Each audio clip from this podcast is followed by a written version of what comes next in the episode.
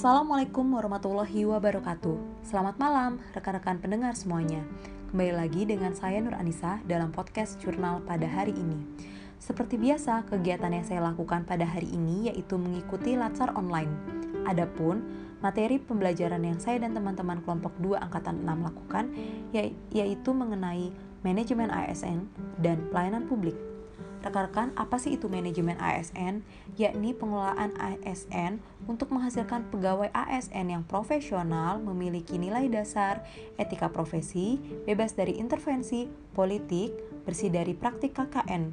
Hal ini merupakan bunyi dari pasal 1 ayat 5 Undang-Undang Nomor 5 Tahun 2014. Harapannya agar selalu tersedianya sumber daya ASN yang unggul selaras dengan perkembangan zaman.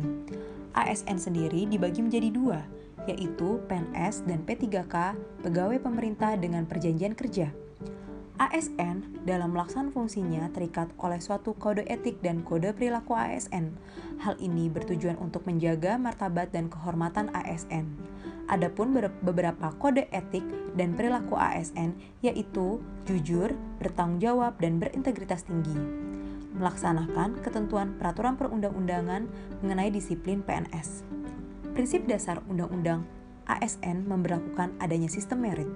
Sistem merit adalah kebijakan dan manajemen ASN yang berdasarkan pada kualifikasi, kompetensi, dan kinerja secara adil dan wajar dengan tanpa membedakan latar belakang politik, ras, warna kulit, agama, asal-usul, jenis kelamin, status pernikahan, umur, ataupun kondisi kecacatan.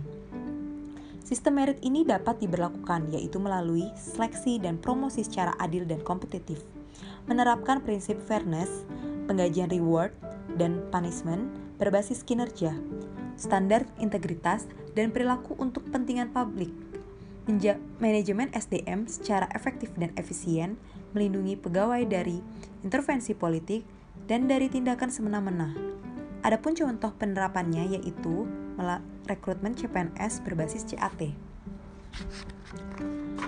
Materi berikutnya akan dibahas yaitu mengenai pelayanan publik. Adalah kegiatan atau rangkaian kegiatan dalam rangka pemenuhan kebutuhan pelayanan sesuai dengan peraturan perundang-undangan bagi setiap warga negara dan penduduk atas barang, jasa, dan atau pelayanan administratif yang disediakan untuk penyelenggara pelayanan publik. Lalu, siapa penyelenggara pelayanan publik? Yaitu instansi penyelenggara penyelenggara negara, korporasi, BUMN atau BUMD seperti PDAM, Pertamina, dan PT KAI, lembaga independen seperti KPK, KPU, Ombudsman. Adapun unsur pelayanan publik yaitu penyelenggara negara, masyarakat, penerima layanan, dan kepuasan pelanggan.